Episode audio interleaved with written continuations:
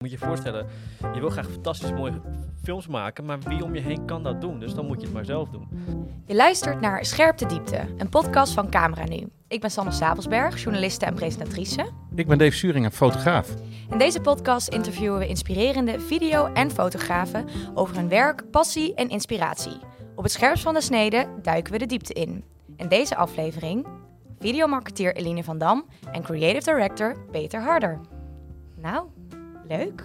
Hartelijk welkom. Ja, bedankt voor de uitnodiging. Dank jullie wel. Gezellig. We zaten net al, we gingen meteen vol in, in de materie. We gingen video's bekijken. We, we konden meteen alweer, ja, onze, onze content was, die stroomde hier over tafel. Dat vind ik ook altijd heel erg leuk als je met andere creators aan tafel zit. Dat je meteen genoeg hebt om over te praten. En welkom. Leuk dat jullie er zijn. Dankjewel. Hebben we er een beetje zin in? Yeah! Dus verrassen. zullen we gewoon meteen dilemma's er eens in gooien? Nou, ja, dat is goed. Dat is goed. En dan gaan we daarna eventjes nog een introductie geven. Een iets uitgebreidere introductie van jullie. Oké. Ehm, ik stel voor, Dave, ja, you take it away met, Peter. eh, met de dilemma's. YouTube of Vimeo? YouTube. Eline, crew van 10 man of self-made? Selfmade. Ja, en dan de laatste voor jullie beiden natuurlijk, reageer er gewoon op. Schrijven en regisseren of alleen regisseren en schrijven? Dat is een moeilijke.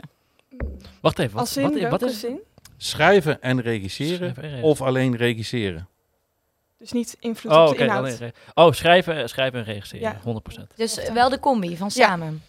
Ja. Oké. Dus, ja. Kijk, Ja, want dat is natuurlijk altijd een ding, hè. Als je alleen regisseert, dan is er al iets geschreven. Dan moet je natuurlijk wel diezelfde visie weten te Ja. pakken.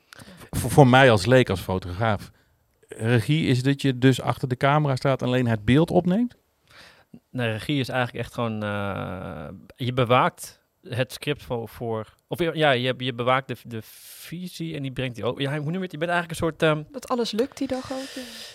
je bent kijk, wel uitvoerend, Ja, denk en ik. kijk, het ligt ook weer aan waar je in welk, welk zeg maar, vakgebied. Kijk, als je op de filmset natuurlijk staat, dan ben je als re- regisseur ook niet zo heel, zeg maar, veel meer. Want dan, dan is het echt, ehm, je bespreekt met iedereen het, het script en je gaat met iedereen alles langs. Maar daarnaast is de producent boven je, die bepaalt eigenlijk alles ook weer. Dus daar is ook weer mee te maken. Maar als je in de kleinere productie regie doet, dan doe je als regie wel weer alles, zeg maar. Maar Oké. vaak ben, heb ik wel gezien dat je als reg- regie toch ook gewoon weer, ehm, nou, in, in dan... ehm, in, in, in, in- bij veel opnames ook alleen maar een pion bent eigenlijk. En als je als schrijver, dan heb je toch wat meer, Wat meer wat?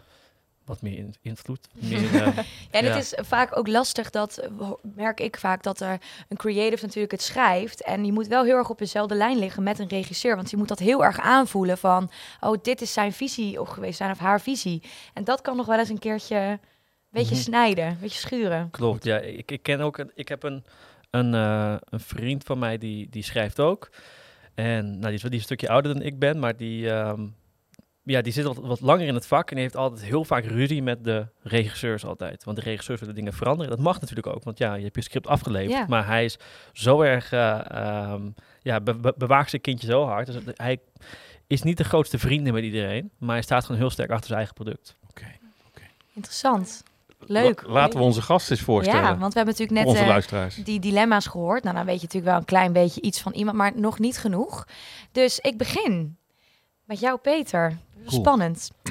Peter is creative director en screenwriter. Als kind van gescheiden ouders vond hij zijn kopingsmechanisme in het maken van YouTube-video's. En hij was daarmee een van de eerste early adapters van het toen nog opkomende medium.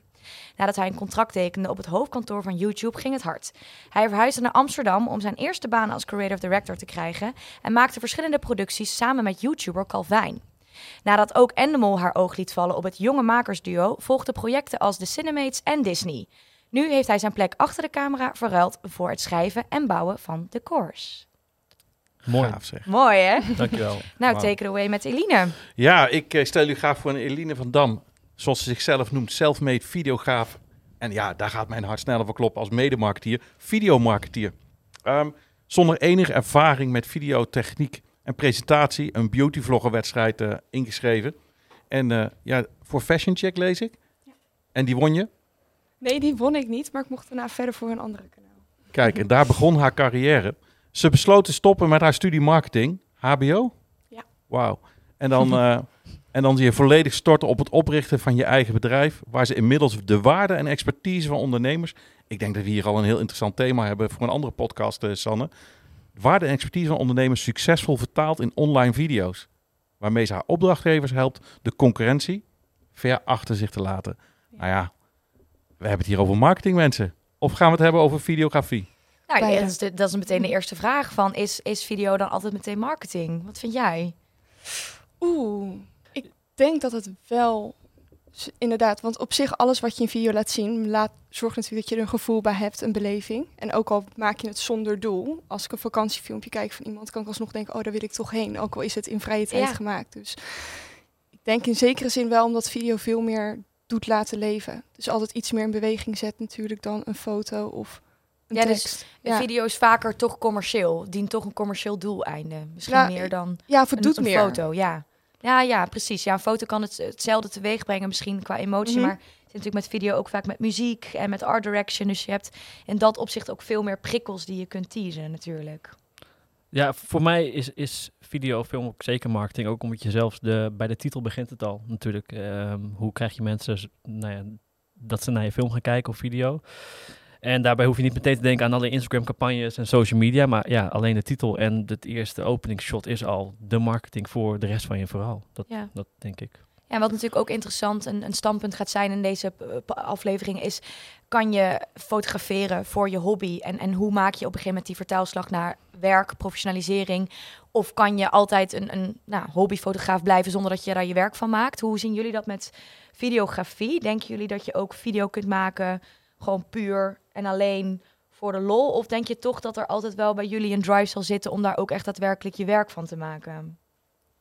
Ehm, kijk, het voordeel is natuurlijk nu met alle goedkopere apparatuur en ook de apps en eh et cetera, dat, dat we eh, heel veel mensen voor de hobby natuurlijk altijd in video's blijven maken. En ook denk dat veel mensen die nu in deze industrie geld verdienen met video, toch een hele lange periode hebben meegemaakt waarbij ze het gewoon echt moesten doen voor de, de hobby. En er zijn gewoon, denk ik, veel, er zijn weinig mensen die gewoon meteen, ja, hun werk ervan kunnen maken op dit moment. Dus eh, het, het moet, je moet het bijna alleen maar kunnen volhouden met soms geen geld eigenlijk. Maar Ik is, is daar niet ook gewoon de enorme omslag gekomen? Want ik ben natuurlijk van de... Ik heb YouTube zien opkomen. Ik denk dat ik hier met eh, eh, mensen aan tafel zit die niet beter weten dat YouTube er is.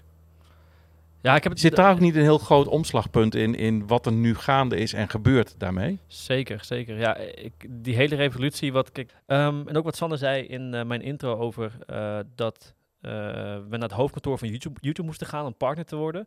En dat was echt het begin van de YouTube-revolutie. Toen waren er nog geen YouTube-creators. Toen was het in Amerika wel gaande, maar in Nederland nog niet. En toen heb ik gewoon die eh, golf kunnen meemaken hoe ook video's, of in ieder geval videoapparatuur veel goedkoper is geworden. Veel meer interesse ook was voor eh eh film maken. Ik bedoel, ik kan me voorstellen dat er misschien wat minder jongens van voet- voetballen wilden worden, maar nu opeens influencer of videomaker of vlogger, Ja, et staat in een vriendenboekje, zeiden wij net al gekscherend. Van wat wil je worden? Nou, ik zette daar vroeger prinses neer. Nou, nu staat daar gewoon vlogger. vlogger, ja, beautyvlogger. Dat is, ja, dat is een veel meer dan toen natuurlijk. Dat dat nu een soort van droombeeld is. Van, oh, dat wil ik graag.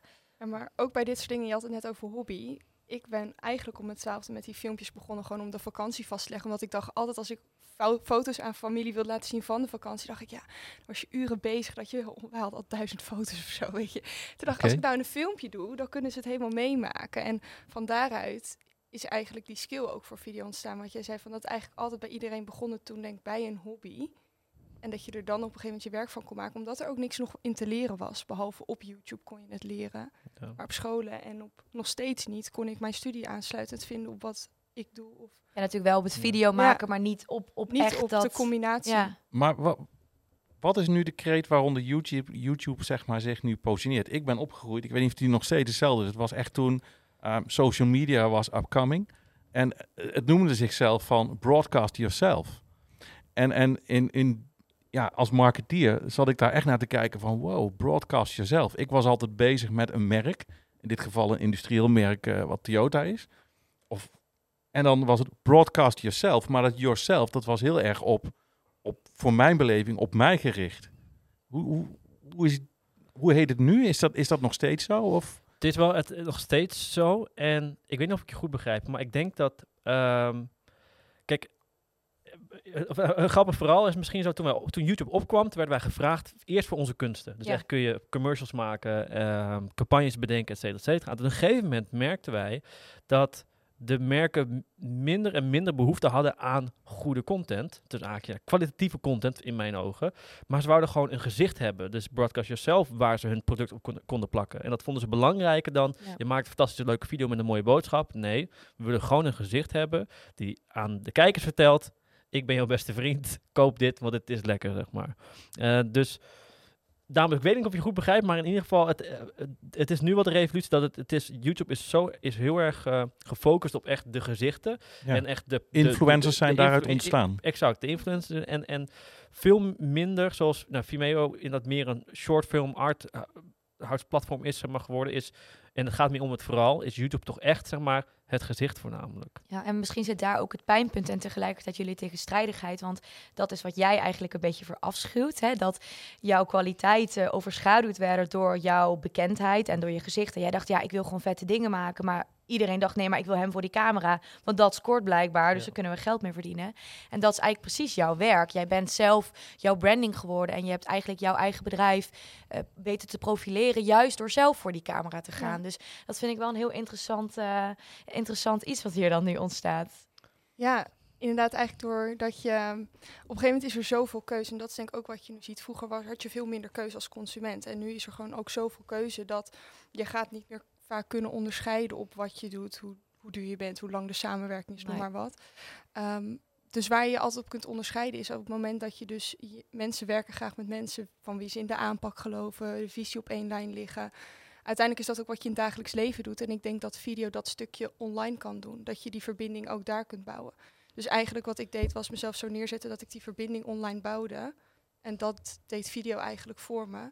Maar dat doe je ook in het dagelijks leven. Ja, dus toch een eigen rol leggen Ja. in hetgeen dat je doet. Van jij adviseert mensen, maar you're selling a dream. En je bent zelf waarschijnlijk het boegbeeld van die droom. En dat jij dat gewoon op die manier ook hebt weten te fixen. Ja, of dat ze dus denken van hé, maar op die manier geloof ik daar ook in. Of zo wil ik samenwerken. Dus bij mij waren ze vaak en nu nog steeds. Die kennismaking is bijna niet nodig, omdat ze al vooraf Van nu al de weten, datum ja, boeken ja, en uur ja. even willen checken. Omdat het vooraf al heel duidelijk is van Ja. ja.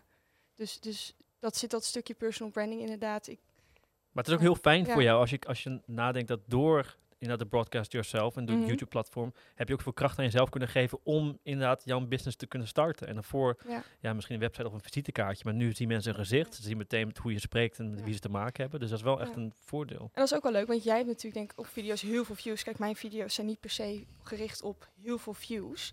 Maar wel een bij juiste mij gaat het erom dat het precies de juiste doelgroep Ja. raakt. Dus dat is denk ik ook wel een leuk verschil tussen Ja. eh, wat wij in content maken. Dat het bij mij niet zozeer zit op ja, hele grote aantallen, maar daar vanuit is weer ja, een heel ander deel van video. Wat ook weer eh, Mhm. heel leuk is, hoe je Ja, video heel veel En jij kan hebt hebben. natuurlijk nu die. Jij blijft voor camera. Toch? Jij blijft on- onderdeel, denk ik, Ik wel van je strategie en van je video's. Minder, ja. Ja, is dit het- bijna nooit meer. Wil jij graag ook die, die rol weer wat teruggeven? Juist weer wat meer Ja, het is wel lekker. Ja, ik weet niet hoe jij dat ervaart, maar ik vind het wel lekkerder eh, gewoon daarachter dan... eh, Ik vind het ook lekker, kijk, dit is mijn ego vindt het voor heerlijk. En mijn, Oh ja, toch wel? Ja, nou, wat zeker. Maar mijn enige ego wil gewoon aandacht. Snap je? Dus die, zeg maar, dat is een standaard ding waar ik zeg maar weet dat ik dat gewoon niet moet doen. En die aandacht krijg je niet als je het maakt? Enkel? Niet genoeg misschien. ik, ik, ik zat nog over na te denken en is dat eigenlijk, kijk, de meest makkelijke vorm van aandacht is alleen maar, zeg maar als mensen visueel naar je kijken en wat je doet, in plaats van echt maar het hard Ja. en werk leveren om iets te doen. Dus dan is mijn een ego is waarschijnlijk ook gebouwd op eh, efficiëntie en eh, dus die denkt gewoon, oké, als ik voor de kamer ben en, en, ik ben en ik ben acte- act- en, en ik acteer, dan krijg je zeg maar, weet je, geld et cetera, bij elkaar, maar ehm, dat is juist de hele cirkel vind ik juist zo interessant en dat komt ook in mijn werk naar voren als ik schrijf en als ik denk als ik schrijf Ehm, er zijn gewoon zoveel mensen beter voor de camera dan ik. En dat is ook iets waar toch mijn hart niet genoeg ligt om daar verder in te excelleren. Ja. Eh, Mhm. Dus dat, eh, waar je energie uithaalt. ja, dus, dus daarom toch de achtergrond. Maar ik bedoel, het is niet, ja, ik heb heel veel video's gemaakt. En ik vind het toch gewoon leuk. Want het, het is ook een beetje, het video geeft ook als je acteert een excuus om zeg maar vrij te kunnen zijn. En daarom met die scooter video, die we, we hadden net een video bekeken met elkaar, maar Ja. Ja. dan kan je gewoon zeg maar half zo zingend op een scooter doen. En dat, anders heb ik geen excuus om dat te doen. Dus Ja. je bent ook gewoon een acteur eigenlijk. Ja, En het geluk is dat je als acteur door YouTube en ja, laten we eerlijk zijn, volgens mij hoort daar ook smartphone, eh, de, de bereikbaarheid wat jij ook zei van apparatuur bij.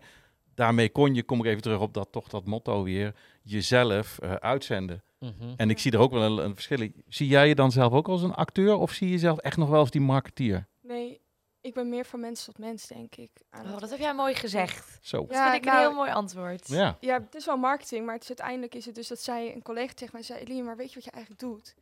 De kern wat jij doet is verbinding maken en video is precies dat wat het doet. Dus Nou, nu Zit Zo daar ook een verschil tussen entertainment en... We eh, zitten hier wel met de marketeer aan tafel, die de, de Ja, maar het slogan is- zo... Nou, maar het is dus heel anders. Je hebt echt de campagnevideo's, denk ik, of echt de reclamekant, waarin hele andere dingen van toepassing zijn, denk ik hoor. Want dat is helemaal niet mijn vakgebied.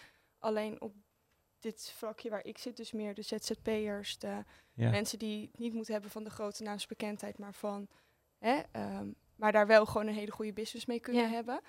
Die moeten meer zichzelf vermarkten. En dat is weer een hele andere tak Ja, ja. dan. Dus, Hey, en en ehm, jij zei net al even kort over die video. Daar wil ik namelijk nog even wat meer over weten. Want we hebben een hele leuke rubriek in de spotlights.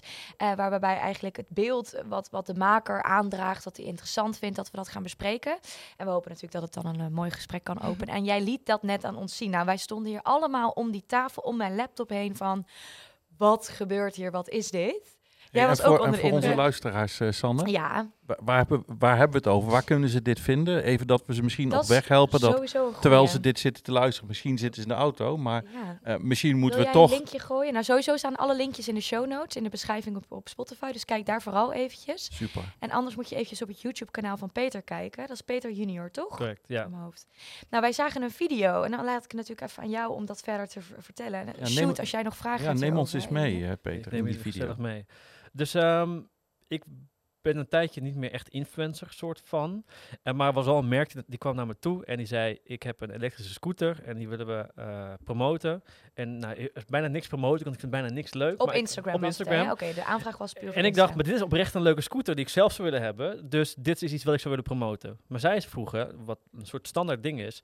Eh, in plaats van maak iets leuks en fantastisch en overtuig mensen. Maak gewoon een foto dat je op die scooter zit en zegt, fantastisch, kopen dit ding. Weet je? Dat, Hashtag dat, ad. hashtag ad. En Ja. dat wil ik ook, dat wou ik ook niet doen. Dus ik stelde voor van kan ik niet gewoon, mag ik niet een video maken? Want ik zie voor me, ik zie mezelf zingend op een scooter voor, voor elkaar en het is fantastisch en leuk. Maar daar wouden ze gewoon niks van hebben. Ze dachten, nee, we willen gewoon dit. Eh, dit is wat, we, eh, wat ons gevraagd is. We willen gewoon foto's hebben, et cetera. Dus ik ehm, probeerde ze overtuigen. Nou, het lukte niet. En toen zei ik, weet je, ik ga het sowieso maken. Eh, en als je het niet willen, dan gebruik, ik het, dan gebruik ik het voor mezelf. Want zo leuk vind ik het.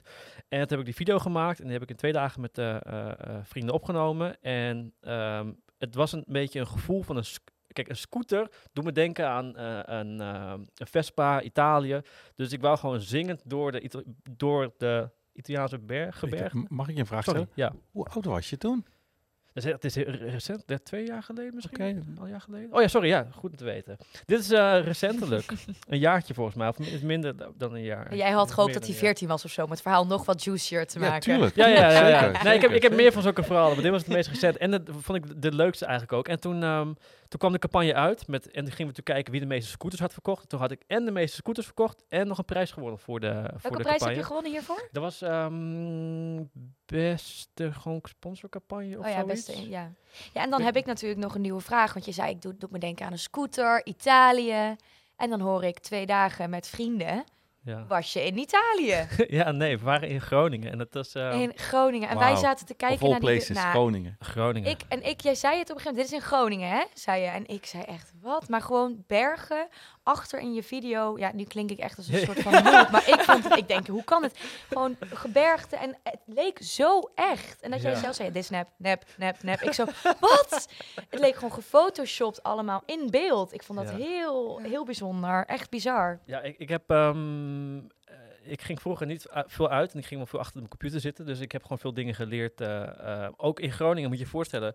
Je wil graag fantastisch mooie films maken, maar wie om je heen kan dat doen? Dus dan moet je het maar zelf doen. En toen heb ik mezelf visual effects aangeleerd. en, nou, en dat gebruik ik gewoon graag om. Wat om heb je zelf aangeleerd? Visual, visual effects. Visual, Visual effects. visual effects, sorry. Visual effects. Compositing, 3D. Wauw. En, ehm, Je kent het wel. maar, goed, maar, Nooit van gehoord. Nee, maar het is gewoon, het was weer. Hallo? Nee, je, je wil zo. ehm, je wil zo min mogelijk afhankelijk zijn van andere mensen. Want anders is het ook echt super duur. Want VFX is ook heel erg duur. Of visual effects is ook heel erg duur. Dus ik heb het gewoon gedaan omdat ik wou mezelf niet beperken door ja, ideeën die ik had. En ik denk ook wel heel erg interessant, hè, want dat zou jij misschien ook wel merken bij je klanten nu, dat vaak eh, lopen ze eigenlijk nog een beetje achter. Want als je kijkt naar de influencercampagne, die zijn vrij plat inderdaad. Van, nou, we willen gewoon dat je een foto post en, en dat je eh, die hashtag gebruikt. En nou, dat wordt allemaal natuurlijk van bovenaf ingegeven. Terwijl als je durft anders te doen en juist durft om een andere weg in te staan, dan, dan kan er dus zoiets in het verschiet liggen. Wat nog wel één ding wat leuks om te noemen misschien, als Nou. mensen die video gezien hebben of zien, aan het einde expo- explodeer ik. Dan Mhm. ga ik zeg maar dood. maar dat, eigenlijk had ik wel oorspronkelijk geschreven dat het meisje op de scooter dood zou gaan. Maar dat, Dat vonden ze toch te dat grimmig. vonden ze te- Ja, dat, nou, dat s- s- snap ik ergens. Dat ze dan toch dachten, oké Peter, we laten jou je ding doen, maar hier willen we toch heel even vinger in de Ja, pap maakt- houden. Ja, het maakt de sketch wel minder leuk. De sketch is namelijk dat, dat je denkt, een jongen is verliefd op een meisje. En die wil nou, alles eraan doen omdat dat het meisje hem zeg maar, leuk vindt. En dan uiteindelijk is het, is het dan gelukt. denk je, ja, wat leuk. En wat blijkt, dat die jongen het einde alleen maar deed om, dat, eh, om haar dood te maken. Ja, ik snap dan toch dat ze misschien dacht op die marketingafdeling, mwah, Ja, nou, klopt, ja, klopt, houden klopt, we maar even zo. ik, ik, had een, ik had een backstory nog wel hoor, met vreemdgaan en zo. Ik denk dat mensen gewoon moeten gaan kijken. Ja, dat sowieso. En, en dan vooral, ehm, wat was het ook weer, Sanne? Waar moesten ze naartoe? Peter Junior? Ja. Peter Junior. Op YouTube. Ja, YouTube Ik, ben nu eigenlijk, bedoel, ik ben dan wel heel erg benieuwd om eens naar Eline te horen. Want ehm, ik heb stiekem wel wat dingen van je bekeken. Oh jee. Maar we hebben, we hebben natuurlijk wel ehm, even de vraag gesteld van wat is nou voor jou zo'n moment die jij als videomarketeer hebt gemaakt waarvan je zegt van wauw. Die zit nu top of mind, dat is mijn Ja. spotlight. Ik denk dat dat echt dit jaar, nou ja, het is nu vorig jaar, maar sept- afgelopen september inderdaad was. Want ik heb door corona eigenlijk al die tijd niet gefilmd. En dat vond ik eigenlijk heel lekker, want ik kan heel goed lekker in mijn eigen rolletje lekker. Ik dacht, dan doe ik wel gewoon de marketing uitzetten van, hey, dit soort video's kun je maken voor ondernemers. Toen in eh, september weer gaan filmen, besluit gemaakt, vond ik heel eng. Want als je het lang niet doet, denk je weer van, oh, er kan zoveel misgaan met filmen. Dat en waar is was niet je dan precies bang voor dat je het nou, was? het wordt donkerder, dus hè, in de wintertijd, hoe ga je dan dat garanderen dat het altijd mooi is? Hè? Ehm, dat het, dat het, je weet, je kunt het zo goed plannen, maar techniek is altijd Ja. ergens verraden. Je hebt het hier gewoon over wat, wat even voor de luisteraars die misschien ook fotografen zijn. We hebben het gewoon over licht, toch? Het is alle, ja, maar het is altijd inderdaad, ehm, überhaupt met techniek en met video en fotografie ook. Ja, je hebt nooit 100% zekerheid en ik hou wel van die garanties. Ik vond dat heel spannend en toen ehm, ben ik een concept gestart in september. En, want ik dacht, ik, de meeste dingen denk ik heel lang uit. En ik lag, het was een kwart voor twaalf en ik zou die weken na naar Kopenhagen vliegen voor een klant om een proefvideo te maken, om het weer eens even Kijken, te gaan ontdekken. Had ik het nog? En toen sprak ik haar altijd en toen dacht ik, als ik haar spreek, dan zegt ze zoveel interessants. Waarom zie ik dit niet op Instagram? Toen dacht ik, moet ik niet gewoon een camera op die mensen gaan zetten en een microfoon en dat gesprek gewoon opnemen en daar stukjes content uithalen, want dan zien ze, want dat is het stuk waarop klanten ja zeggen, dat is het stuk waardoor ik snap wat ze doen of, of denk van, hé, hey, die moet naar die. Als we dat op social media kunnen inzetten, hoe sterk zou dat zijn voor je hele ja, propositie? Want dat zag je nu niet terug in post, in stories. E- En dat- even voor mij, hè? als jij het over social media hebt, heb je het dan ook over hun eigen website? Of heb je het dan echt over de kanalen om de content eh, verder te delen? Nee, ik heb het nu inderdaad echt over het stukje die eh, pagina van op Instagram die je dan hebt. Of tenminste, veel klanten van mij zitten vooral op Instagram of LinkedIn. Hebben wat daar hun zo- eigen account? Ja, en wat zo leuk was aan dat format toen het live ging. De reels zijn nu natuurlijk ook heel opkomend. Is dat binnen 48 uur wa- was ik 2,5 maand volgeboekt. En nu nog steeds iedere keer twee Zo. maanden vooraf. Gisteren komen weer vijf aanvragen. Ik weet zelf niet wat me gebeurt. Want ik had het zelf, de meeste dingen wat ik zei, denk ik uit. En dit past achteraf zo goed bij mij, omdat ik zo op die inhoud hield, maar ook van iets heel moois. En is het dan wel filmisch mooi in elkaar gezet of Ja. is het juist veel puurder dan wat je normaal maakt? Juist heel kwalitatief. Alleen waar ik dus altijd de zenuwvraag waarvan ik dacht, ben ik wel videograaf, was omdat ik niet per se hele mega producties Ja. wilde doen. Met een hele set, met ehm, hele ingewikkelde beelden. Ik wilde vooral wel iets heel moois maken, maar vooral iets wat mensen in beweging zet. Niet zozeer op een heel diep level, maar dus dit soort mensen, die krijgen letterlijk, de klanten van wij krijgen nu zulke pure complimenten, omdat mensen hun zien zoals ze zijn. Mhm. En dat werkt voor hun zo goed. Dus dat was voor mij denk dat concept waarin mijn persoonlijkheid helemaal samensmelt met wat ik doe. En dat is nooit eerder zo geïntegreerd geweest. En dat, ja, stroomt dan nu of zo. Of dan Vind jij, als je hier dan bijvoorbeeld met Peter zit, die dus wel heel erg die Mhm. cinematische... Is er dan iets dat je denkt van, ja, dat is zo anders. Mag ik mezelf dan ook wel videograaf noemen, zoals je dat net zei? Dat- Of Ja. heb je inmiddels toch die zelfverzekerheid? dat Nou, je denkt, Die vraag heb ik wel heel lang gehad, ja. Dus ook op internet gezocht naar cursussen. En dan krijg je uit Amerika hele gro- grote advertentieconferenties. hè, de, de Ad Summit of wat is het. Alleen dacht ik, oh maar ja, maar dit is niet die doelgroep waar ik zit. Die heeft dit niet nodig of daar werkt dit niet voor. Dus ik denk gewoon dat er heel veel vormen van videomarketing zijn. En video wordt nu nog denk ik als één goedje gezien omdat het nieuw is. Terwijl als je naar fotografie kijkt, hoeveel soorten fotografie zijn er? Hoeveel soorten verschillende type foto's werken Ja, voor veel, verschillende klanten? En dat is bij video ook. Alleen Mhm. mensen schuiven dat nu denk ik nog onder één kantje soms, omdat Ja, het nieuw is. En denk de- ik. ik denk ook nog misschien om eh, ehm, je punt sterker te maken, is dat ik heb een productie gehad en dat was echt een, echt een grote productie. Want ik dacht, we moeten het echt groot doen, zoals het hoort bij de bioscoop. Het was een, ik stond op een set van 40 man. En toen aan het eind van de dag waren het gewoon, was het gewoon iets heel bijzonders. En toen heb ik letterlijk in mijn eentje mooiere beelden geschoten dan Ja. met de hele crew van 40 man. Waarbij ik ook echt dacht van ja, wat maakt het eigenlijk uit? Allemaal onzin. Soms werkt het gewoon veel sneller en dat vind ik ook zo lekker. Op het moment dat ik alleen zit, dan heb ik gewoon dat hele, ben ik zo ingetuned op wat het moet zijn. En op het moment hoe meer ruis daar ontstaat, hoe minder scherp je op al die details kan zijn. Maar dan zit jij nu best wel in een interessante fase. Want je doet het editen, deed je ook zelf, hè? Ja. Je, deed het, je bent echt self-made. Ehm, even voor de luisteraars, waar kunnen ze het gaan kijken? Eh elinevandam.nl op Instagram het beste. elinevandam.nl Maar even terug naar dat self-made, hè? Mhm. Ik volg jou sinds kort. En ehm, volgens mij vierde jij eh, net ook al dat feestje... dat je zeg maar ergens een vonk hebt eh, laten overslaan. Waardoor je 2,5 maand volgeboekt bent. Maar ik zag ook voorbij komen dat je nu twee, eh, twee eh, collega's hebt. Ja, ja. Om het maar zo editors, even te ja. noemen in, eh, Ja. in deze setting. editors heb je aangenomen? Niet aangenomen, ZZP-basis. Maar, wel in ieder geval uitbreiding van het team. Ja, omdat ik nu de, die aanvraag kwam en ik wil nog steeds niet over de schreef gaan qua, ten koste van kwaliteit. Dus ik Nee. wil nog steeds mijn vrijdag ben ik altijd vrij en eh, de avonden ook. En dat blijft, want Mhm. het gaat nooit ten koste van hè, mijn creativiteit. Maar nu, doordat die editors erbij zijn, doe ik nog steeds het concept maken. Dat was heel lang van hoe kan ik toch mijn stempel erop drukken, maar hoe kan ik toch schaalbaarder zijn. En dat was ook mijn grote belemmering om weer te gaan filmen van het is niet heel schaalbaar. Want als ik het zo wil doen zoals het moet, Maar het is wel Dan- ontzettend leuk. Ja, ik luister net naar jou, Peter. Je zegt Ja. uiteindelijk die crew 40 man weg. En levert je uiteindelijk best wel iets op. Waarbij jij nog even wat doet met je, met je creativiteit. En jij gaat dus nu die reis aan. De andere kant uit van oké, je gaat iets loslaten. En, En- uitbesteden. Iets ja, maar het zal nooit heel veel meer worden dan dit. Want je kan het stukje wat ik doe qua die interviews, Ja. die vraag stellen, dat is zo lastig. Ja, en dat is ook Vervangen. waarom mensen jou willen, omdat Ja. jij dat persoonlijke daarin terug. eh, maar wat kan, dat doen zij nu. Dus Ja. dan maak ik het concept en zij doen de rest in diezelfde stijl. Het, het, het roept wel bij mij een vraag op, Sanne. Nou, Wa- Wat is dan de stip op de horizon eh, voor, eh, voor jullie beiden nog?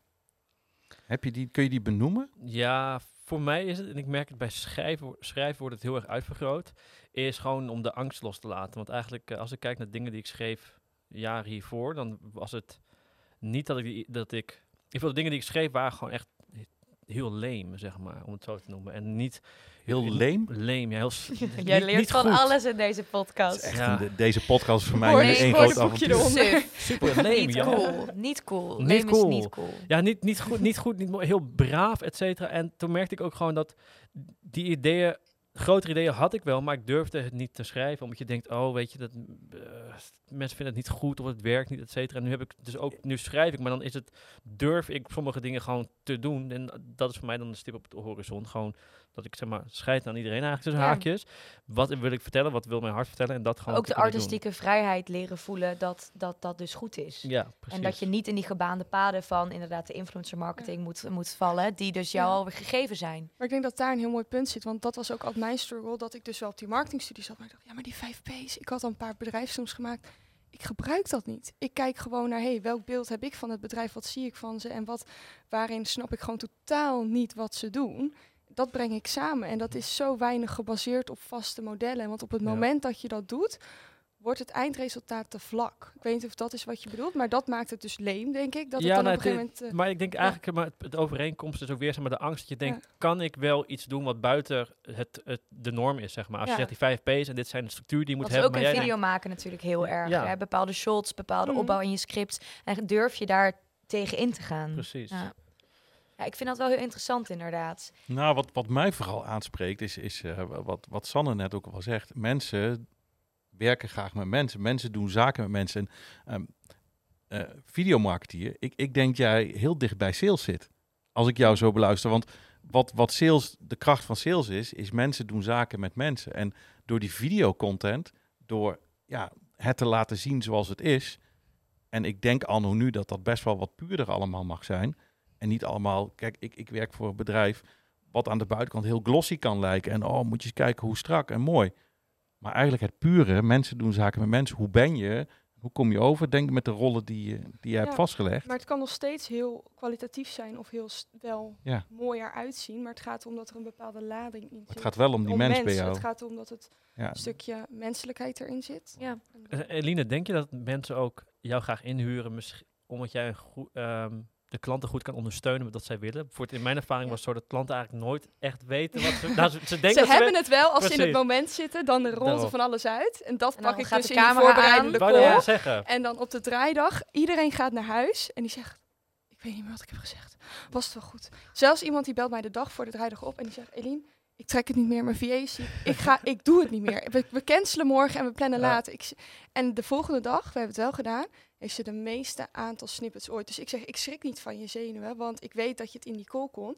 En op die dag regisseer ik je wel naar, hey, kun je het nog even zo doen? Kun je nog En dat is jouw kracht, Ja, en om dan zeg ik, iemand ook oh. weer in zijn kracht te zetten. Dan Ja. zeg ik wel eens, oh wat interessant wat je daar zei. Wat zei ik? Ik weet het al Ja, niet meer. Eén ja, seconde ja, na, hè, ja. alweer kwijt. Maar juist omdat je mensen dan... eh, het is gewoon de kunst om hun in, die, in dat elementstukje te zetten. Want het zit er wel. Maar Mhm. als je dat ze op de man afvraagt, komt dat er niet altijd uit. Maar En dat is ook weer de kracht. Ja. En tegelijkertijd misschien hè, wat, wat mo- moeilijk is aan video, dat mensen vinden het heel imposant. En ehm, eh, dat is mijn podcast bijvoorbeeld nu al veel minder. Terwijl er staan toch camera's, ja, daar ben je dan toch mee bezig. hey, ik eh, denk dat ik jou blij ga maken met de volgende rubriek. Maar voor we dat doen, hebben Ja. we haar stip op de horizon goed Oh ja. benoemd. Nou, dat is heel grappig, want ik denk dat ik niet per se op werkgebied dat heb. Ik, eh, mijn werk is wel belangrijk en het is wie ik ben en het geeft me voldoening. Maar mijn stip op de horizon zal, horizon zal altijd denk ik zijn de balans tussen wat ik in mijn privé kan doen en wat ik in mijn werk kan doen. En als die voldoening en wat het elkaar versterkt, want zonder werk zou ik het heel veel voldoening missen en heel veel plezier. Maar ik moet zeggen dat ik nooit echt op werkgebied de hele ambitie heb. Of dit moet ik behalen ik stel ook eigenlijk niet echt doelen en dat is misschien best gek, maar ik, mijn doel is eigenlijk gewoon om tevreden te zijn.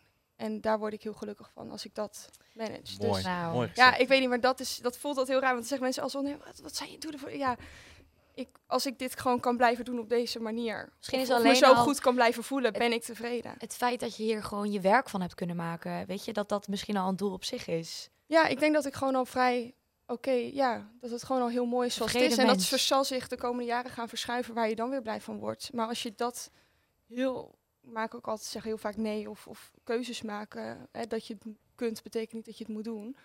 Dat stukje heb ik altijd, weeg ik gewoon iedere keer af. En dat is eigenlijk meer mijn doel, dat dat in balans blijft. En nu is dat die video's maken.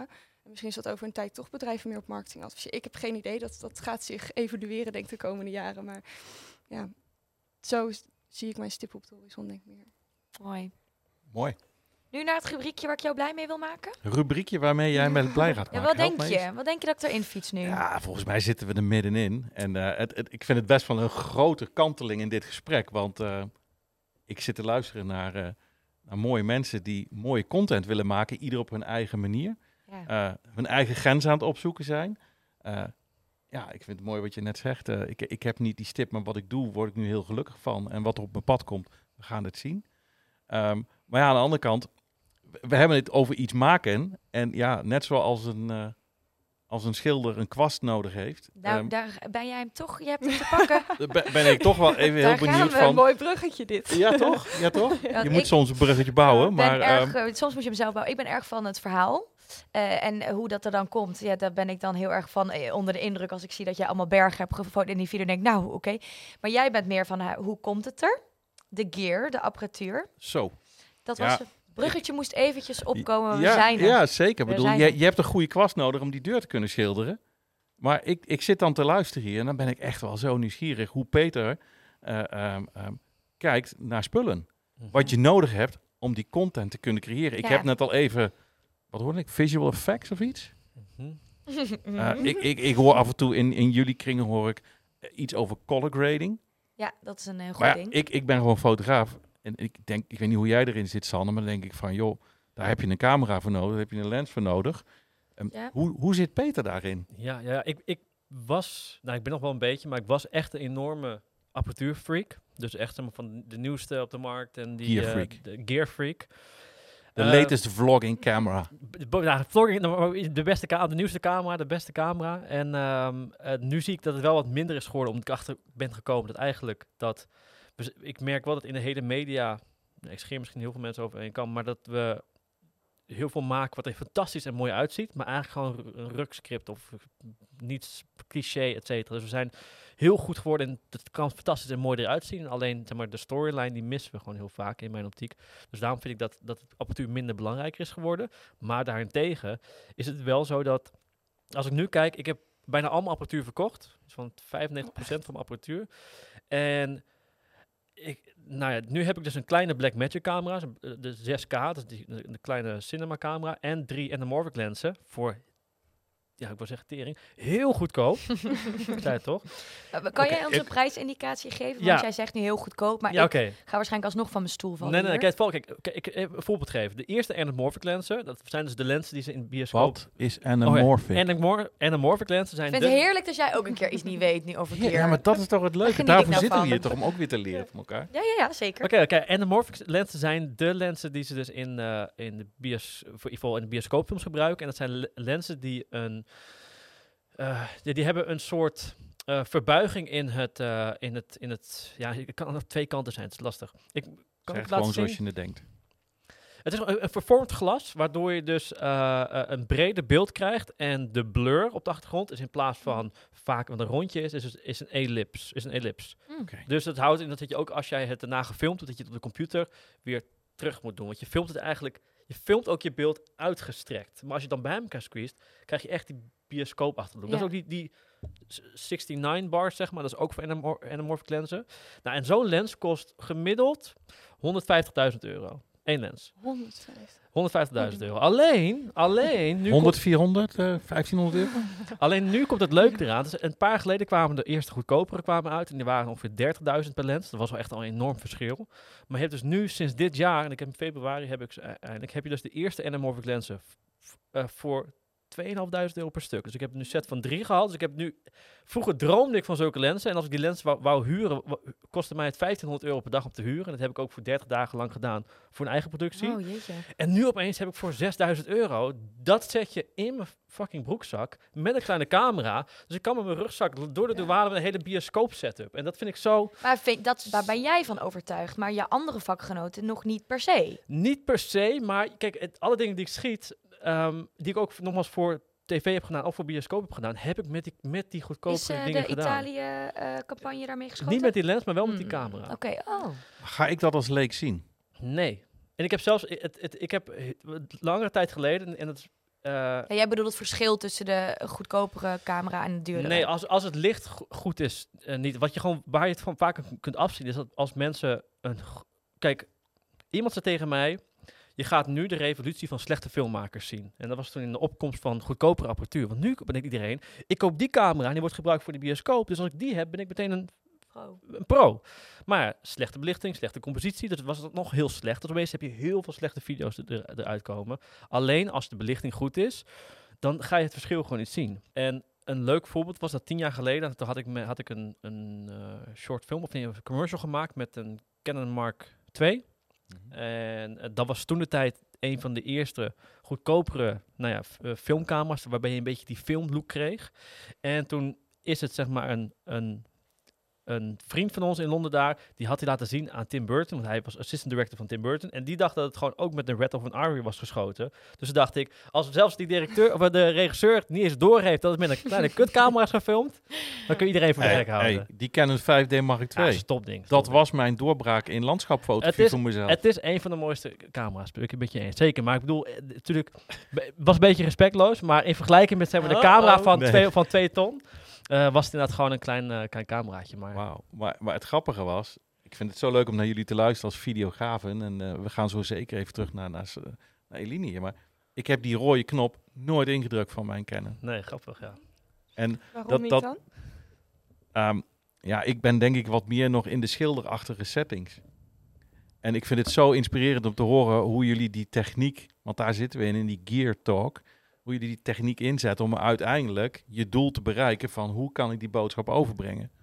En, en mijn boodschap is gewoon ehm, de, de wereld laten zien door een 2D-bril eigenlijk. Ehm, Eline, jij doet een heel ander spectrum. Ja.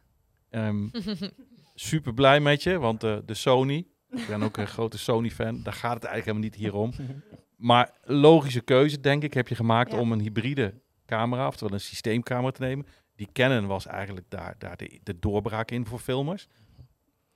Vertel eens, wat, wat zit er nu in je tas en wat neem jij mee? Ben jij, want je hebt ook niet een hele set bij je. Nee, valt best mee. Eigenlijk pas alles in een koffertje. En eh, mijn lampen liggen altijd klaar op de achterbank als het nodig is. Kijk, En, want dat eh, vond ik, toen we elkaar spra- voorspraken, toen zei je ook al van ja, ik, eh, het is niet alleen die camera, maar kun je eens beschrijven wat je zoal meeneemt in, in de, ja, de shoots die jij doet? Ja, voor mij is het die Sony A7S3. Die vind ik nu echt te gek, want die heeft gewoon nog veel meer dynamisch bereik dan de vorige Sony's.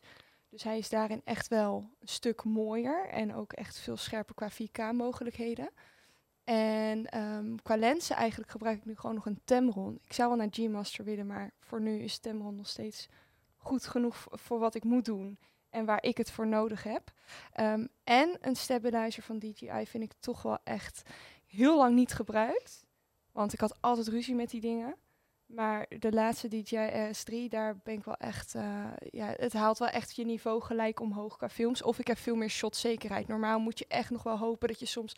Kijk, je kan heel veel handheld doen, maar dan zit er altijd iets beweging in. En nu heb ik veel meer die shotzekerheid. En wat ik heel tof vind, is zo'n monitor op je camera. Ja, Die doe ik ook altijd omdat ik het kan veel beter ook aan de klant kan laten zien hoe het eruit ziet. Ik zie de details veel beter Ja. of een snoertje ergens zit. Dus die monitor is ook echt. eh, dat zijn eigenlijk denk ik de dingen die ik het meest. Maar ik weet niet, Sander, hoe jij naar zit te luisteren. Ja, ik zit dus als maker hier nu van als Ja. ik regie doe en ik werk dus met cameramannen, dan ben ik helemaal verguld met de monitor. Want dan kan ik ergens in een hoek gaan zitten Ja, met dat ding. En dan sta ik niet in het shot, want dat is altijd het probleem. Als ik achter, naast de camera sta, dan moet ik altijd zorgen dat ik natuurlijk, hè, zeker als we lopen, dan moet ik er zo bij blijven als een soort van ratje zo aan de zijkant. Ik krijg altijd zo'n elleboog, dan sta ik weer in shot, dan moet ik weer duiken. Dus Ja, met zo'n monitor kan ik gewoon in de hoek gaan zitten en gaat mijn videograaf gewoon op pad. het zal, kan niet heel ver van mij weg. Hij moet wel een beetje in de buurt blijven. Maar goed, het is dan ook een goede garantie dat hij terugkomt. En ik kan gewoon in de hoek kijken wat hij draait. En roepen van ik vind het lelijk of mooi. Maar ik als fotograaf hoor, hoor een kreet die ik herken. En ik, ik, ik weet niet hoe dat zit tussen een Blackmagic, waar we net over hadden, of een A7S3, maar dynamisch bereik. Dat is voor mij een keuze geweest waarom ik afscheid nam van eh, de 5D Mark II 3. En ik overstapte eh, op een A7 III toen de tijd. Waarom? Eh, ik, ik mag heel graag avondfotografie doen. Ik mag graag in de, de venstertijden van de dag werken, s ochtends of s avonds. Maar hoe zit dynamisch bereik dan? Kunnen, kan een van jullie voor mij dat uitleggen? Wat dynamisch bereik dan jullie biedt als meerwaarde als videograaf? Ja, dat nou, even voor, voor de mensen die het niet weten, Dynamic Range is volgens mij de aantal hoeveel, hoeveelheid tinten grijs en wit. Stops, Of- ja. Stops in ieder geval, in, ieder geval in, in het beeld. En kijk, voor cinema is gewoon het dynamisch bereik gewoon echt heel belangrijk. Ehm, dat is ook de bepaalde cinema look die we graag fijn vinden. Dat we dat niet alles eh, helemaal onderexposed of overexposed, maar dat het gewoon toch wel dat we alles mooi en duidelijk kunnen zien. Dus voor in mijn vakgebied, dus voor film, is dat dynamisch bereik echt eh, eigenlijk essentieel bijna. En of je daarna in de post dan meer contrast toevoegt, dat is dan daar aan toe. Maar als je film, films maakt en je hebt visual effects nodig, je wil veel ruimte hebben voor color grading, is gewoon het dynamisch bereik echt belangrijk. Oké, dus eigenlijk hetzelfde voor mij als fotograaf. Het geeft je beeldruimte. Maar jij zei ook voor mij iets waar ik helemaal niet over nadenk. Jij zei, het is voor mij belangrijk dat ik ook in 4K kan Ja. werken. Help me eens. Ja, dat is dus het. eh, nou, je hebt natuurlijk ook 6K. Jij had de 6K volgens mij. Mhm. Ik eh, filmde altijd eerst gewoon HD, maar nu gewoon altijd 4K. Omdat je dan dus de mogelijkheid houdt om achteraf veel meer bij te snijden in je shot. Dus je kan een stuk meer inzoomen. Dus eigenlijk een soort van resolutie, alleen dan Ja. meer op filmisch gebied. Ja, het is gewoon van 1080 ga je naar de, de 2160 en 3840 uit mijn hoofd is die dan. oké. worden- Maar de, wat nog leuk is over dat dynamisch bereik, waar je dat in ziet, is mensen zijn nu telefoons gewend en die hebben dat ontzettend goed. Dus mensen zijn gewend als ze met een iPhone filmen dat automatisch de lucht goed in beeld is. Dat, eh, nou, bijvoorbeeld David Kruijs film dat jij dan goed in beeld bent en je lucht erachter. Mhm. En zodra zij bijvoorbeeld misschien dus een, ehm, nou ja, wat we hadden het over goedkopere keer, wat tot nu steeds meer beschikbaar wordt. In heel veel gevallen is dat even een soort, ehm, ja, hoe zeg teleurstelling als je dan met de camera aan de slag gaat, dat je denkt van, oh, maar waarom is het niet zo mooi als op telefoons hebben we dat stuk al veel beter, Ja. volgens Ja. mij, onder controle dan echt. ehm, Is dat niet software en artificial intelligence en allemaal dat soort Ja. technieken die al zo, ja. In die smartphones Ja. natuurlijk zitten? Omdat je, en daar ga je echt naar cinema toe. Als je dat stuk, eigenlijk volgens mij zit daar voor mij vooral de upgrade echt in, in de, Mhm. cinemacamera's. Dat je zowel je achtergrond als je persoon goed belicht krijgt. En dat is zelfs bij bijvoorbeeld de Sony waar ik mee schiet, nog echt wel om. Ik kan niet tegenlicht filmen. Bijna. Tenzij ik echt met lichten goed doe. Maar je kan, dan krijg je heel snel die uitgeblazen, hoe zeg je Ja. dat? eh, Uitgebeten hooglichten. ja, ja.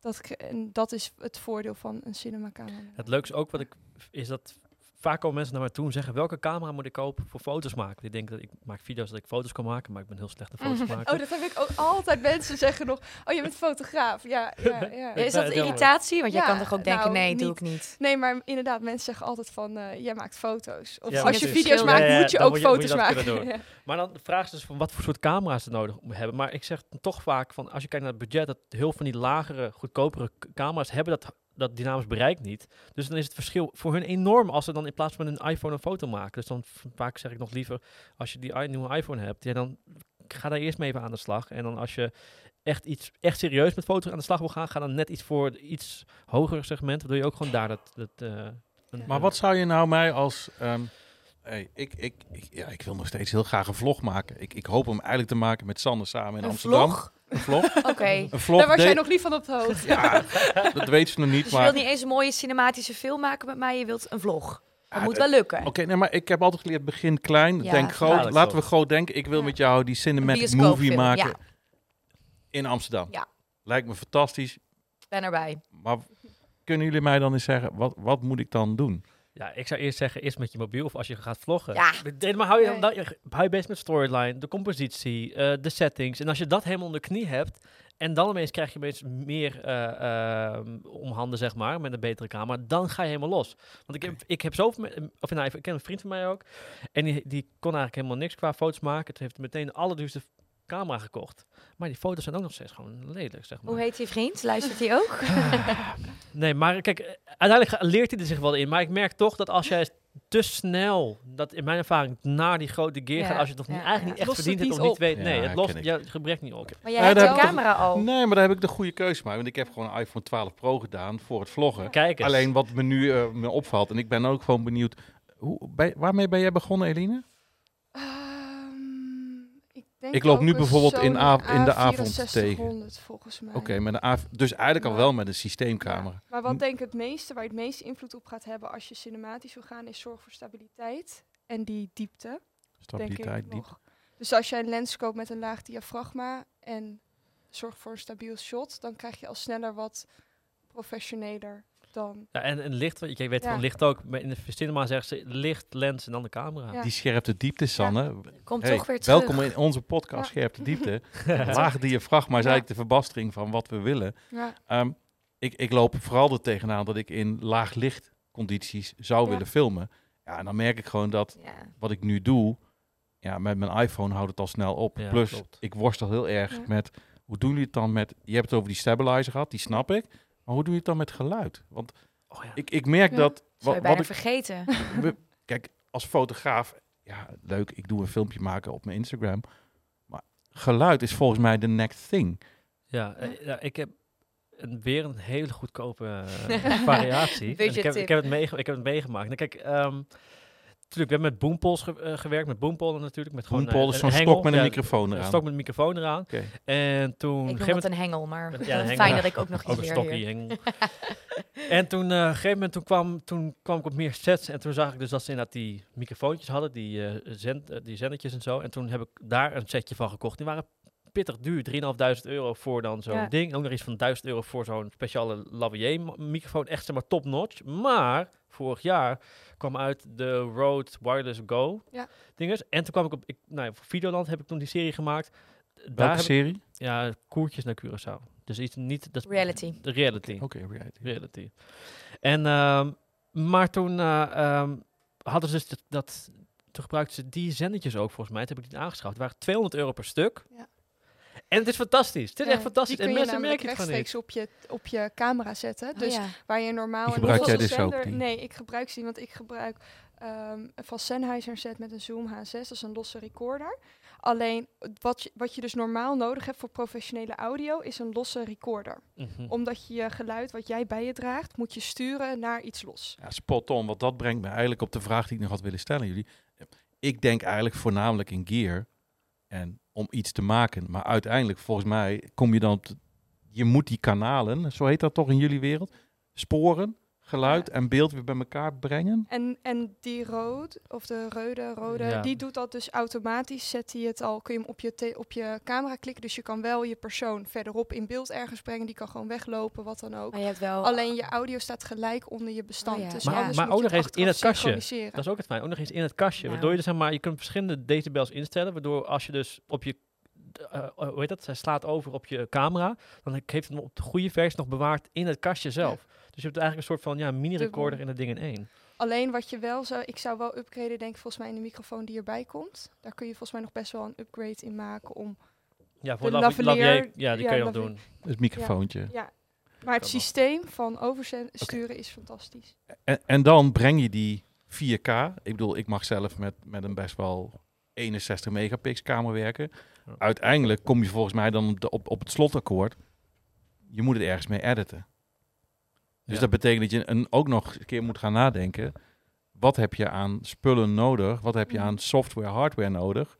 Wat komt er dan bij kijken bij zo'n videoproductie, Eline, om dat te maken? Ehm, voor mij is het puur eigenlijk Premiere Pro en Op een- Adobe Audition. Op Dat- een MacBook eh, Pro M1 chip. Die is wel echt nodig, de, de Ja. nieuwste chips. Want Ik kan geen video editen op mijn eh, laptop, dat gaat niet. nee, en je kunt wel pro met proxies werken, dus dan Ja. neemt hij een kleiner bestand op. Maar dan Proxies? alsnog, dat zijn, is eigenlijk een kleine variant van je grote bestand. Waardoor Alright. je sneller kunt editen. Dus tijdens het editen pakt jouw computer dan het kleine bestand. En zodra je exporteert, pakt hij dat grote bestand. Wa- Wat, Ja. die 6K Blackmagic? Ja. Woehoe. Ehm, ook Adobe Premiere. E- Eerst in, After Effects voor visual effects. Uh, maar nu ben ik overgestapt naar DaVinci. Waarom? Omdat ik doe te weinig nu met film. En ik vind Adobe eigenlijk te duur of zo is nu. 50 euro. En uh, DaVinci is helemaal gratis. Uh, en wel op een Windows. Dus ik, kom, ik ben echt zeg maar uit de... Niet het Windows type maar uit de... De filmindustrie, daar de, doet eigenlijk iedereen alles op Windows. Want het is een open platform of open netwerk. Dus je kunt ze aan elkaar verbinden. Je kan ook renderfarms maken, waardoor je makkelijker kunt renderen. En um, ik heb één keer heb ik toen de allerduurste iMac aangeschaft, in, dat in het scherm. Maar Mhm. toen kon After Effects, After Effects en het 3D-programma werkte niet eens erop. Omdat het is allemaal zo efficiënt gemaakt, waardoor het inderdaad voor freelance of in ieder geval voor fotobewerking en edit is het heel goed gedaan, goed gestroomlijnd. Alleen als je net zeg maar in die 3D-rendering ding gaat, zeg maar, en visual effects, dan is Apple zeg maar te duur voor wat je ermee kan doen. Dus, dus daarom is voor mij Windows echt... Uh, ik had nog gedacht dat jij nog wel meer met DaVinci zou doen, qua color grading Ja, qua, zo, ja, color, color grading ja, ook inderdaad. Echt, ja, zeker. DaVinci is zeg maar echt de cinema edit tool. Daar gebruik, maken ze ook Hollywood films mee, toch? Met ja, die, soms uh, wel, ja. Klopt, ja. ja. Wordt vaak gebruikt. Ja, Ja. het is voor co- color grading gewoon fantastisch. En ik, uh, ik, ben, ik, ik hoorde er gewoon heel veel goede dingen steeds over. En meer mensen zijn overgestapt. Um, dat dus was ook ja. nog een leuke geweest voor de dilemma's. Hadden we even eerder moeten weten dit. Dan hadden we die erin kunnen gooien. Want als ik jou dus nu dan vraag, even dilemma, dan zou je dan toch voor Da Vinci kiezen? Ja. Oh ja. ja. Maar ook omdat, ik kijk, ik vind het gewoon, ik snap dat die mensen business geld moeten maken met dat maandabonnement, et cetera. Maar ik heb, daarvoor heb ik ook bij Adobe één keer een, zo'n ding aangeschaft voor een paar honderd euro. Of zit het gewoon hem in copycatting? Dat mensen gewoon eigenlijk al die software maar aan het distribueren waren onderling, zonder dat ze er nog money voor kregen. Ja, dat, dat is waarschijnlijk ook, 100% ook. Maar nu nog steeds, hè. Nu wordt het nog steeds gedaan.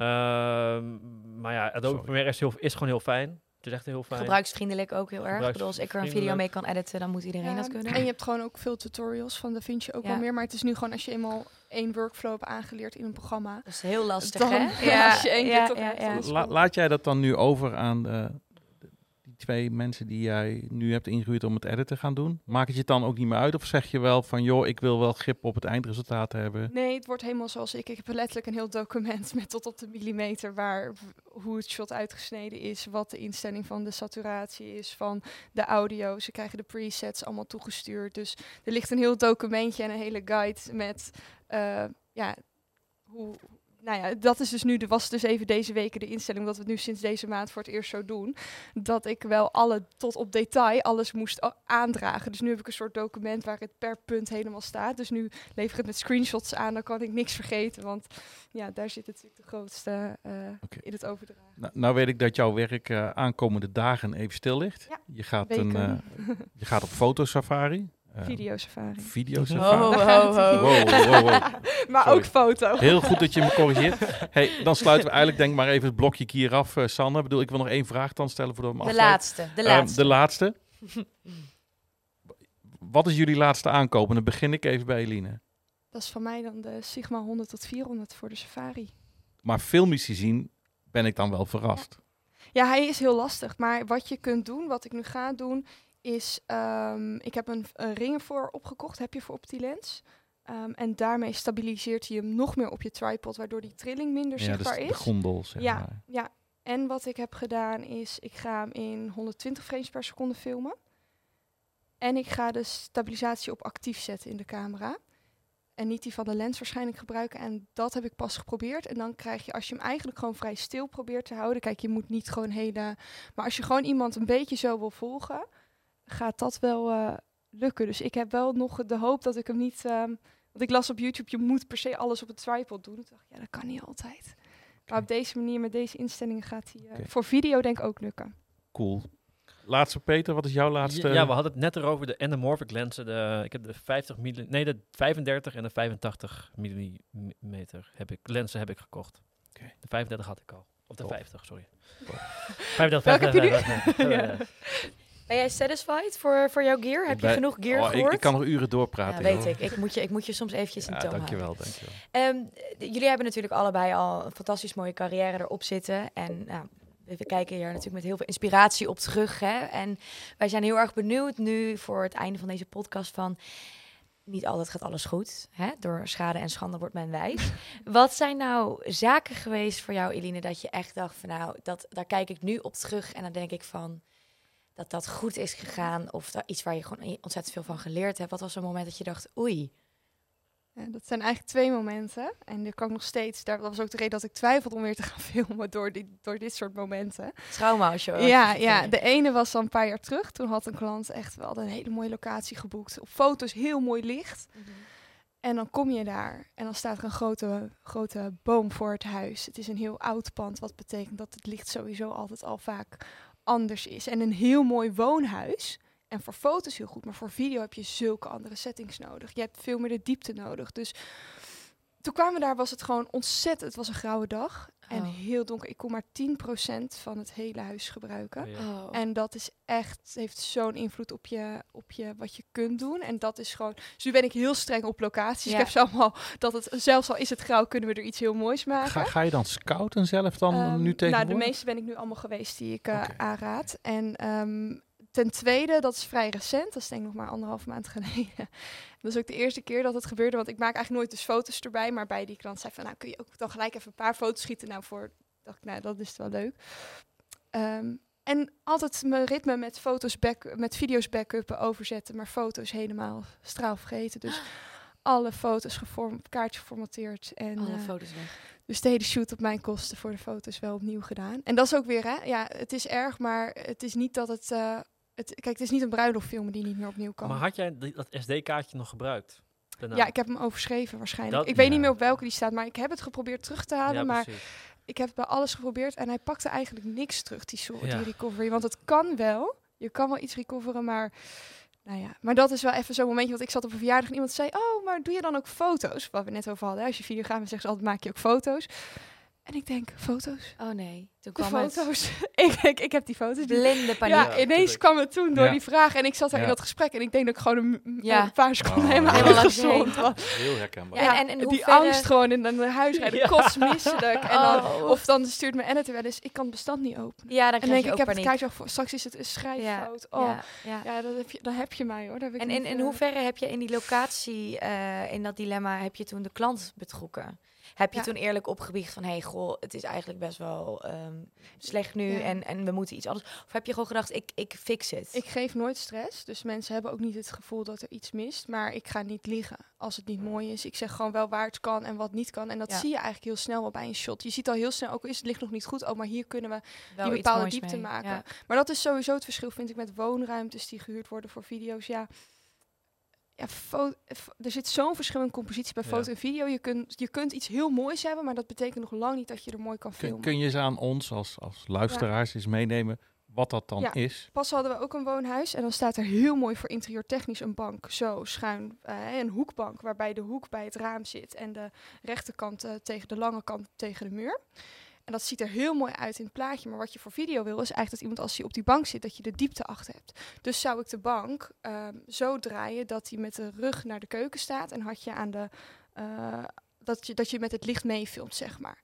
Alleen wat staat er bij de keuken? Allemaal snoeren, er staat een kast die niet weggaat, er staat een, eh, allemaal stopcontacten, er staan heel veel ruis. Dus kortom, ik kan het niet goed gebruiken. Je moet eigenlijk een soort van het showroom. Je hebben. moet het er echt op bijna op Ja. bouwen. Maar Ja. ook, ook maar de, de, in Nederland zijn onze huizen ook niet heel erg cinematografisch mooi Nee. ingericht, weet je wel. Amerika diepte, veel meer. Vooral de diepte klopt, en ja. de lijnen heb je minder. Van die En Sims-huizen in Amerika. het wordt gewoon sneller vlak. En als Ja. je dat niet ziet, dan krijg je wel, je krijgt wel een scherp beeld. Maar het heeft niet die, die eh, ook dat klopt nog niet. Het is ook met de diepte ook zo, als jij een, eh, een woning hebt die op de foto goed uitziet, dan moet je eigenlijk denken, maar de ruimte moet twee keer zo groot zijn om voor Ja. mij dat shot te kunnen Ja. maken, zeg maar. En vaak heb, zijn we, ja, de kamers zijn er zo groot. Ja, om die hoeken eruit ook te halen. Mhm. en, I- Is dat voor mij als het leek? Waarom? En dan gaan we, d- d- d- dan zitten we ook denk ik wat meer op jouw cinematografische aspect. Ja.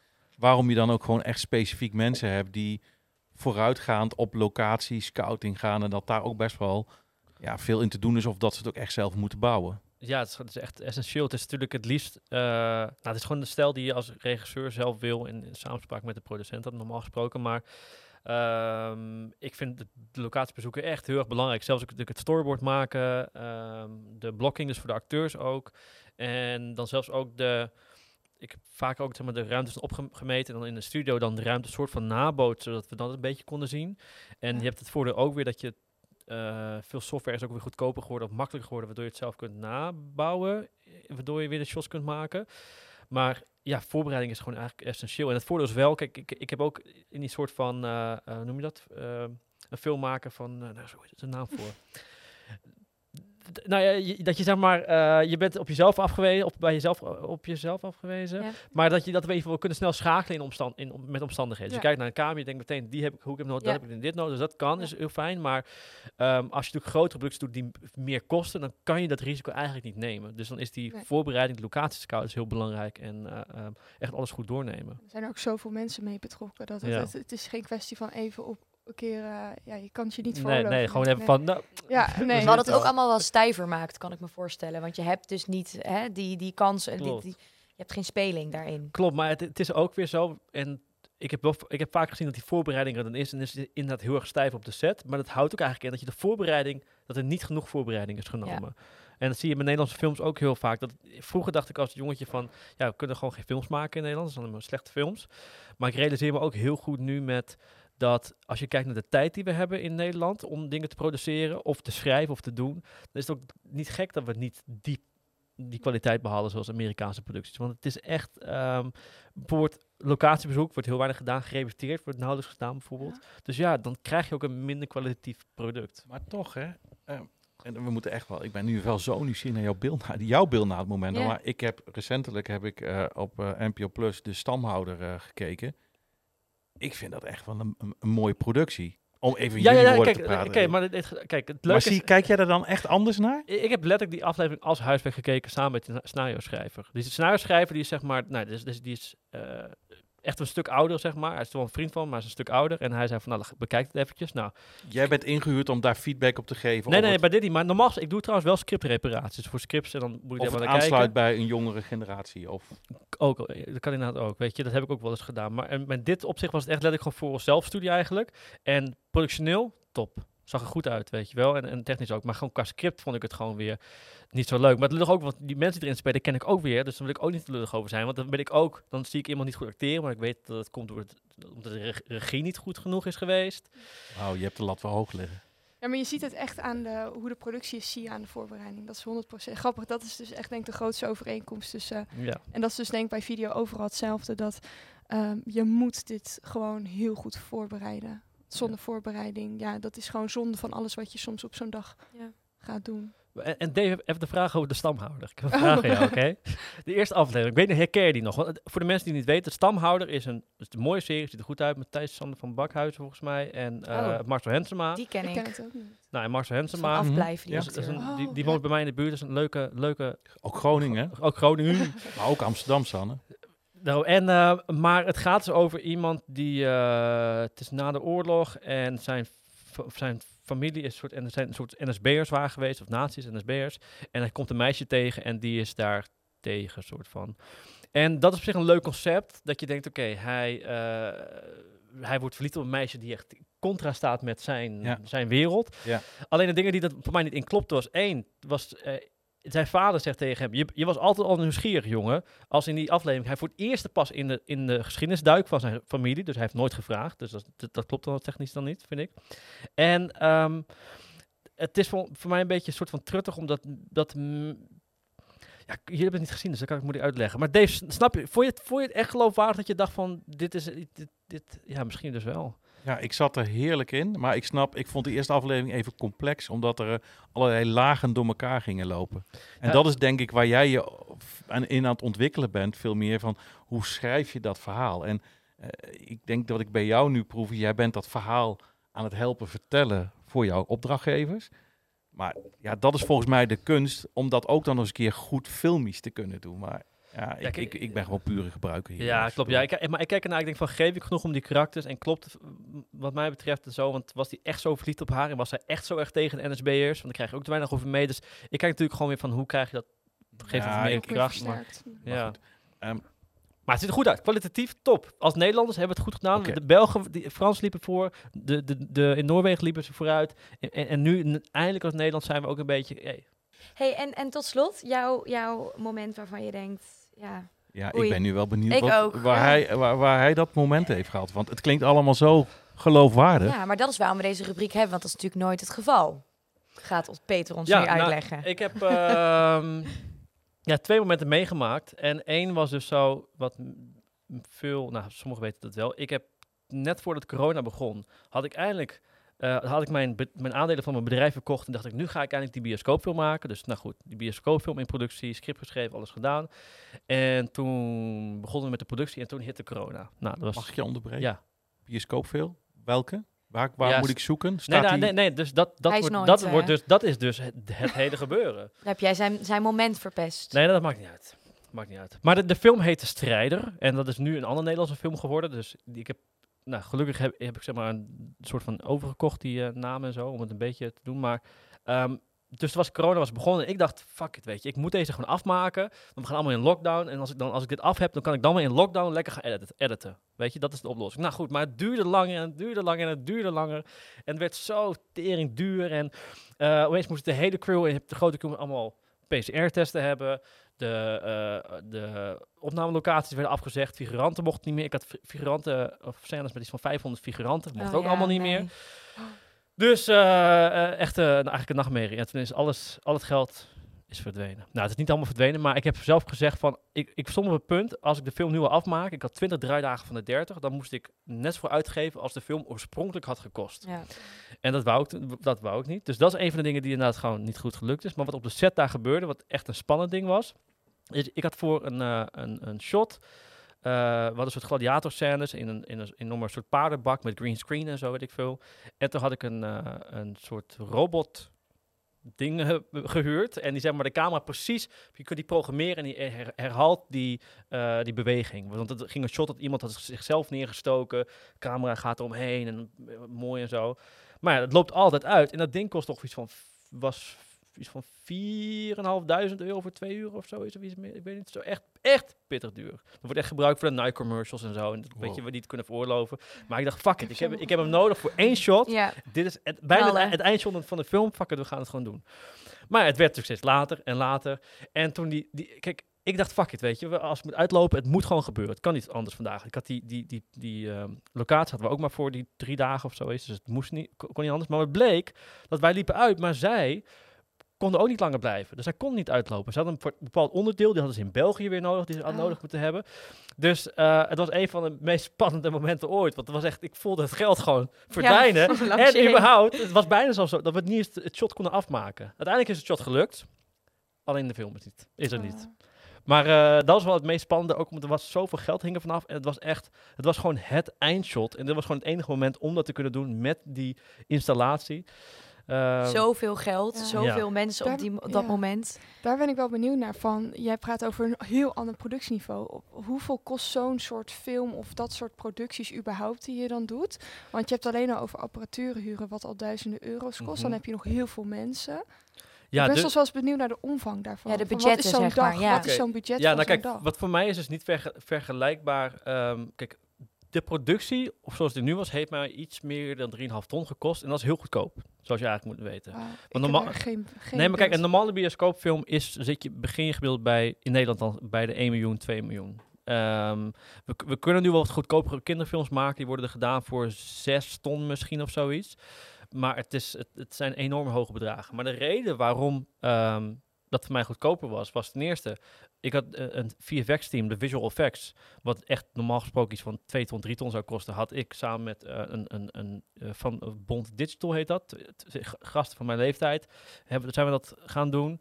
Ehm, de lampen waren voornamelijk vanuit mijn eigen set, dus gewoon apertures, de goedkopere zeg maar, maar hele goede, goede lampen.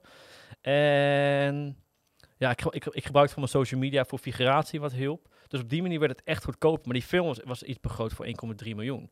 Maar dus, dus mijn fout is geweest, is dat ik had hem zo strak begroot. Dus was iets van over de 3, 3 ton. Waardoor ik dacht, zo kan ik hem maken. Visual effects, alles, alles gaat lukken. En dat is dan de goedkoopste, misschien de film die gemaakt is in Nederland, maar fantastisch. Visual effects, ik hou niks eh, eh, eh, achter of ik wil. Ik, ehm, ik ga voor. alles, ja. Ik geef alles. Ja. Maar ja, als dan corona hit, heb je totaal geen buffer, buffertje voor klein buffertje dan, maar om het zeg maar dan door te kunnen laten gaan. Dus ik was wel met arrogantie. Ik dacht, ik doe het gewoon en ik fuck die overtijd. We moeten het gewoon gaan halen. Maar ja, dan komt iets als, corona op je pad en dan Ja, lukt het gewoon kan je niet. dan En- net en- niet en- bedenken, en? Ik had gewoon niet, Oh. toch moeten denken, fuck it, ik moet twee keer zoveel heb, heb ik eigenlijk nodig voordat ik het kan doen. Maar eh, nee, maar goed, leer je ook Ja. weer van. Die pandemie had jij in geen enkel scenario kunnen schrijven, Nee. denk ik. Dat dat Nee, nee, gebeurde, zeker toch? niet. Maar eh, het is wel zonde ook voor alle mensen die daar meegewerkt hebben. En de, en de concept art, het was helemaal echt fantastisch. Met, met, we hadden custom z- zwaarden laten maken en spul. Het was, ik vond het echt, echt een soort jongensdroom, weet je wel. Maar ja, later, voor later jongens. Ik vind het wel inspirerend om dit van jullie beiden terug te horen. Ik denk Zo. ook voor de luisteraar heel interessant om, om te weten dat we allemaal zo'n moment gehad hebben, toch? En dat vormt je als maker, denk ik ook. Ehm, voordat wij gaan afronden, hebben wij nog wat luisteraarsvragen die ik graag nog aan jullie wil voorleggen. Ehm, Julian vraagt, ik denk voornamelijk aan jou, wat zijn nou handige accessoires voor jouw camera? Dingen die je hebt natuurlijk al een beetje genoemd Ja. bij, eh, bij Gear, maar wat zou je nu zeggen als zijn de, wat zijn de belangrijkste Ja. Voor film een ND-filter. Mhm. Want op het moment dat jij dus mooi met die lage diafragma wil filmen, zodat je mooi die scherpte diepte krijgt, zodat je de wazige achtergrond krijgt, ehm, is het vaak, nu in deze periode lukt dat nog wel, maar met, zodra je al richting april gaat, wordt het vaak te licht om Mhm. in die instellingen te kunnen filmen of om slow motion te kunnen filmen. Wil je een bepaalde verhouding hebben tussen je frames per seconde, is een heel ander verhaal. Maar als je echt op die manier gewoon goede video's wil maken, heb je een ND-filter nodig. En dat is een zonnebril voor je lens. En die zorgt dus dat het donkerder wordt. Ehm, waardoor je wel met de beste instellingen kunt filmen en het meest uit je beeld kunt halen. Ja. Dus ik zou denken dat de ND-filter daarin nog wel misschien Ja. cruciaal is. Nou, dat is wel toevallig dat je dat zegt. Dan heb ik meteen een nieuwe vraag voor jou van Hector.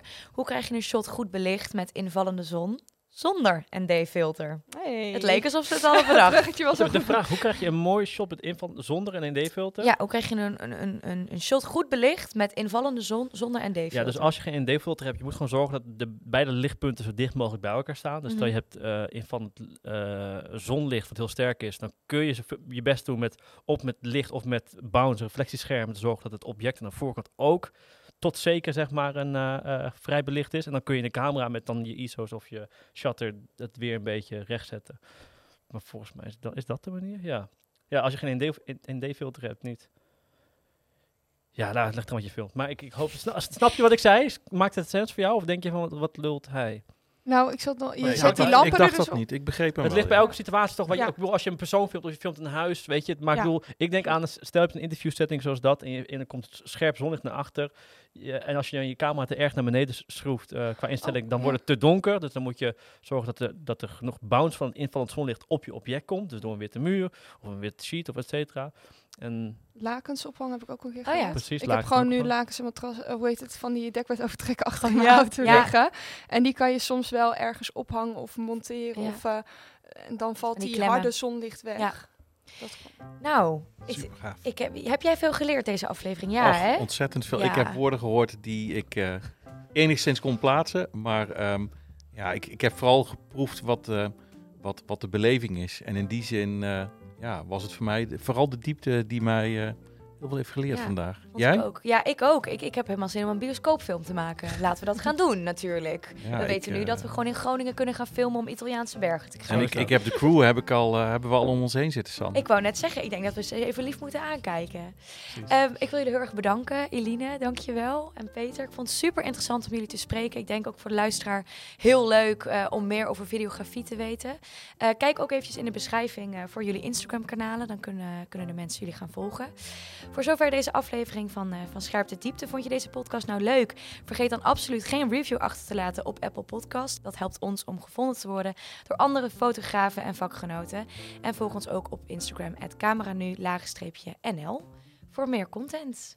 Dave, jij ook bedankt. Graag gedaan. En Jij eh, tot de volgende weer. Tot de volgende. Dank voor het luisteren.